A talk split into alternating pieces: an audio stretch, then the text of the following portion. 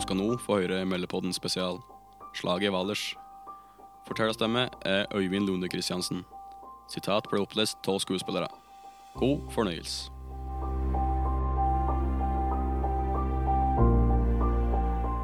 Den 55 år gamle obersten, Gudbrand Østby fra Gjøvik, fikk følgende melding fra den norske overkommandoen da han hadde kommet til Valdres. Det lysner i vest. Med det her mente støtte av engelskmennene. Det hadde Østby liten tro på. Etterretningen sa videre at tyskerne var isolert i små grupper spredd rundt i dalen.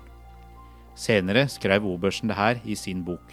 Hadde vi den gang visst det vi fikk vite til slutt, så kanskje vi hadde mistet motet før vi begynte å kjempe. Derfor var det vel best som det var. Krigshandlingene i Norge er godt dokumentert og allmenn kjent. I denne dokumentaren vil vi derfor kun fokusere på krigshandlingene som skjedde i Valdres i perioda fra 18. april til 1. mai 1940. På Østlandet gjaldt det å sinke fiendens framrykning nord og vestover. Slaget i Valdres er et godt eksempel på dette arbeidet. I løpet av disse dramatiske døgnene kom flere norske og tyske soldater til å bli drept eller såra. Flere plasser i Valdres ble ødelagt med spor synlig den dag i dag. På ski, til fots og med tog kom stadig flere sivile til Voss. Her var en av få militære leirer som ikke var tatt av tyskerne. De ble mobilisert og satt opp med Krag Jørgensen-gevær, en sekk og en islender, og fordelt i militære avdelinger. Nå var de soldater, og de skulle til Valdres. På toget til Gol drodla de ferske soldatene om å feire 17. mai i Oslo en måned seinere. Andre så stille ut av toget og lurte på om de ville overleve slaget i Valdres. Fra Gol til Fagernes fikk de heldige rekvidert drosjer.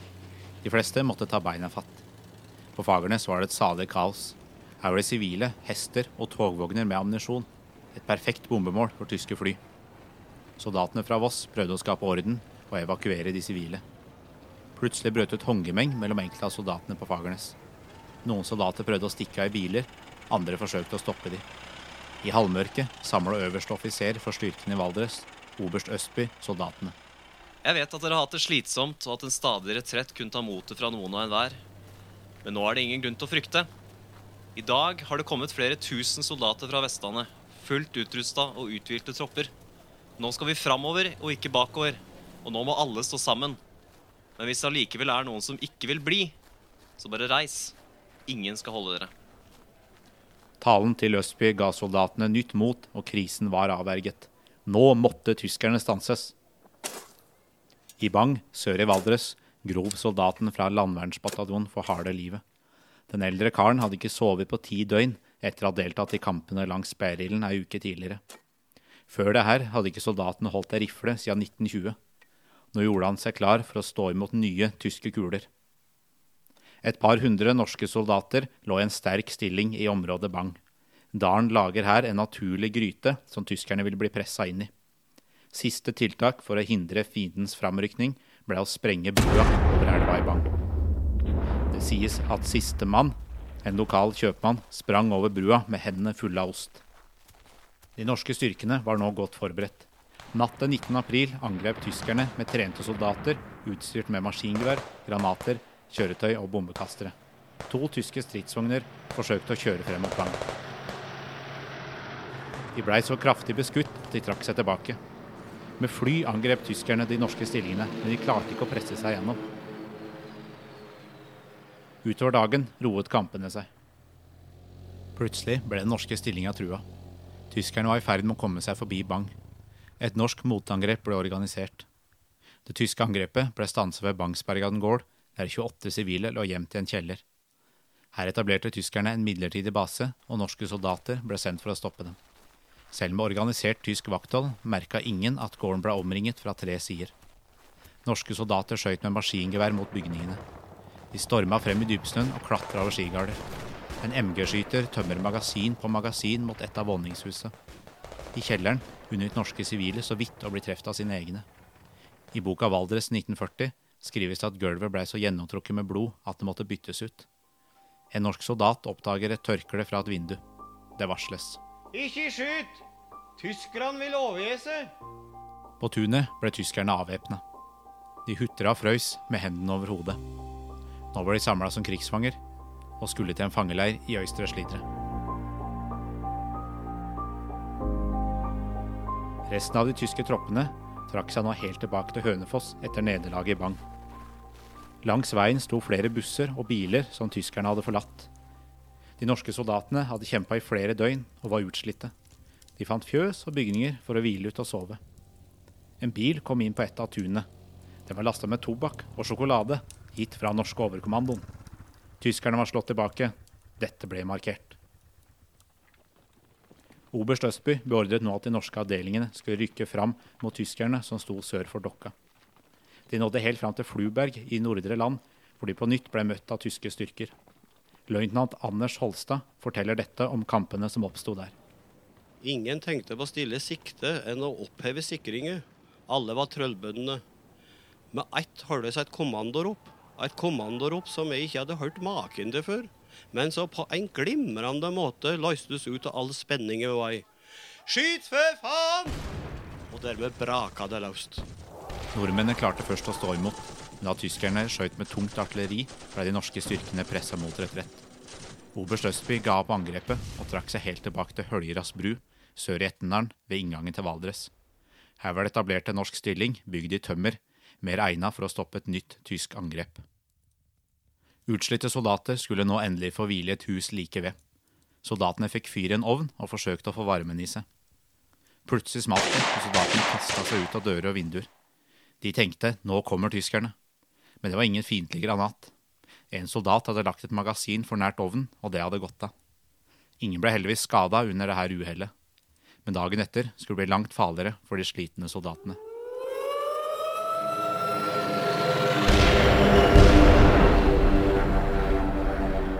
Den 24. april svarte tyskerne med et motangrep. De forsøkte å kutte ledningen til dynamittladningen som var festa til brua for å hindre deres framrykning. Forsøket ble oppdaga, og nordmennene klarte å sprenge brua, som forsvant i elva sammen med de tyske soldatene. Like fullt angrep tyskerne Høljeras med full styrke og forsøkte å komme seg rundt de norske stillingene. Tyskerne skjøt med maskingevær, bombekaster og artilleri. En norsk stilling fikk en direkte treff, og skogen rundt ble rasert. Soldatene hoppa vekk og håpa at neste granat ikke traff dem. Luften ble sugd ut av lungene til soldatene som pressa hodet ned i snøen. Men noen gikk det verre. Sanitetssoldater løp rundt og hjalp de såra så godt de kunne. Et overlegent tysk angrep skremte nordmennene, og det brøt ut panikk. Stillingen ved Høljeras ble forlatt. Tyskerne var for sterke. Norske soldater samla krefter etter nederlaget i Høljerast og satsa på nytt for å stoppe tyske framrykninger ved Tonsåsen. I sånne her pauser ble tobakken en god venn som fikk tankene vekk. I Valdres var det samla inn 1300 esker med tobakk til soldatene. En liten trøst oppi all grusomheten. Nå ble de igjen utsatt for angrep med tyske fly. Dette skulle bli en vane under felttoget. Siden de norske styrkene ikke hadde noe våpen egnet for å bekjempe flyangrep, ble de bomba uhindra. Lengre vest ved Breidablikk, mellom Bang og Tonsåsen, var omkring 60 norske soldater samtidig i kamp mot en tysk styrke med omtrent like mange soldater. Her oppdaget de at tyskerne skjøt for høyt og for dårlig. Ofte traff skuddene i trærne over hodene på soldatene. Nordmenn derimot var dyktige skyttere, som skjøt og traff. I denne trefningen ble flere tyskere drept, såra og tatt til fange. På norsk side ble ingen soldater truffet av tyske kuler. Tilbake til Tonsåsen. Den 60 år gamle norske soldaten kokte støtt og rolig mat til de som kjempa i fremste linje. Soldatene begynte nå å bli vant til krigens lyder og farer. Etter nevnte flyangrep ble norske soldater den 26. april også angrepet av bakkestyrker. Selv med metertykk snø klarte tyskerne med improviserte truger av granbar å komme seg rundt de norske stillingene. Med stridsvogn rykka de forbi. Lenger ned langs hovedveien sto en norsk kanon. Idet jernhesten runda svingen, kom skuddet. To tyske stridsvogner ble ødelagt denne dagen. Men sånne her små seire var ikke nok. Tida rant ut. Terrenget etter Tonsåsen var ikke til nordmennene sin fordel. Det visste oberst Østby. Her åpna dalen seg, og det ble vanskeligere å forsvare. Obersten så utmattede norske soldater og beordra tilbaketrekning til Aurdal samme natt. Trangt opplasta i biler kjørte de av sted denne kalde aprilnatten. Klok av skade gikk soldatene tidlig til sengs. En hornblåser satte seg ned ved piano. Mennene samla seg rundt og sang Ja, vi elsker, mellom bakkar og berg og Fedrelandssalmen. Det ble nok tid til ettertanke om hva som hadde skjedd, og hva som kom til å skje. Dagen etter holdt de på med fotvask og våpenpuss da en motorsyklist kom kjørende forbi mens han skrek. Tanks, tanks! Redde seg den som kan! Soldatene ble ikke grepet av panikk. De var nå vant til krigens grusomheter. De fortsatte med sitt. Angrep mot Aurdal kom. Skudd som ikke traff norske soldater, traff gårder og hus som ble skutt i brann. Skrik fra dyr som brant inne, blanda seg med skytingen fra maskingevær, kanoner og stridsvogner. En soldat beskrev det som å stå ved et fossefall. Etter flere timer med harde kamper ble det igjen slått retett. Under tilbaketrekningen måtte de krysse et åpent lende. De sendte én og én soldat over jordet, og det gikk som frykta. De ble oppdaget og ble skutt. En av soldatene som ble såra, måtte fraktes på en låvedør. Han var skutt i beina, og høyrefoten var nesten skutt av. Enda et nytt norsk nederlag. De norske avdelingene trakk seg forbi Fagernes og videre nordover dalen. Noen mot Østre Slidre, mens flesteparten dro mot Vestre Slidre. Det skulle bli en siste trefning mellom de norske styrkene og tyskerne i Valdres ved Ullnesøya. I løpet av kampene hadde det i de norske avdelingene vokst fram et sterkt kameratskap. Da en norsk kaptein ble hardt såra i den siste trefninga, ble en soldat igjen hos han. Kapteinen sa Forlat meg. Kom deg i sikkerhet. Jeg går ikke fra kapteinen min. soldatene ble omringet av tyskerne og måtte trekke seg oppover dalen i Vestre Slidre. Oberst Østby vurderte nå hva han skulle gjøre. Øyet i Vang var den siste plassen tyskerne kunne stanses før Filefjell. Hvis de skulle krysse Filefjell, måtte det skje på natta pga. tyske bombefly. En bil med fire norske soldater ble sendt over Filefjell for å rekognosere veien. Da de kom fram til Bolaug, ble de angrepet av tyske soldater som hadde kommet over fra Hallingdal. Alle de fire i bilen ble drept. Den yngste norske soldaten var 22 år. Oberst Østby forsto at slaget var tapt, og den 1. mai overga han og soldatene i Valdres seg til tyskerne. En fenrik sa det her. Så gikk det den veien, Mus. Musa skulle være i Oslo 17. mai. Kampene i Valdres var over. I løpet av de siste døgnene hadde 46 norske soldater blitt drept, og enda flere såra. På tysk side er det beregna at mer enn 150 ble drept, og enda flere såra. Flere gårder og hus var ødelagt, og tyskerne hadde bombet flere plasser i Valdres. De omkring 4000 norske soldatene i Valdres hadde klart å sinke 14 000 tyske soldater i flere døgn, men måtte til slutt overgi seg. Slaget om Valdres var over.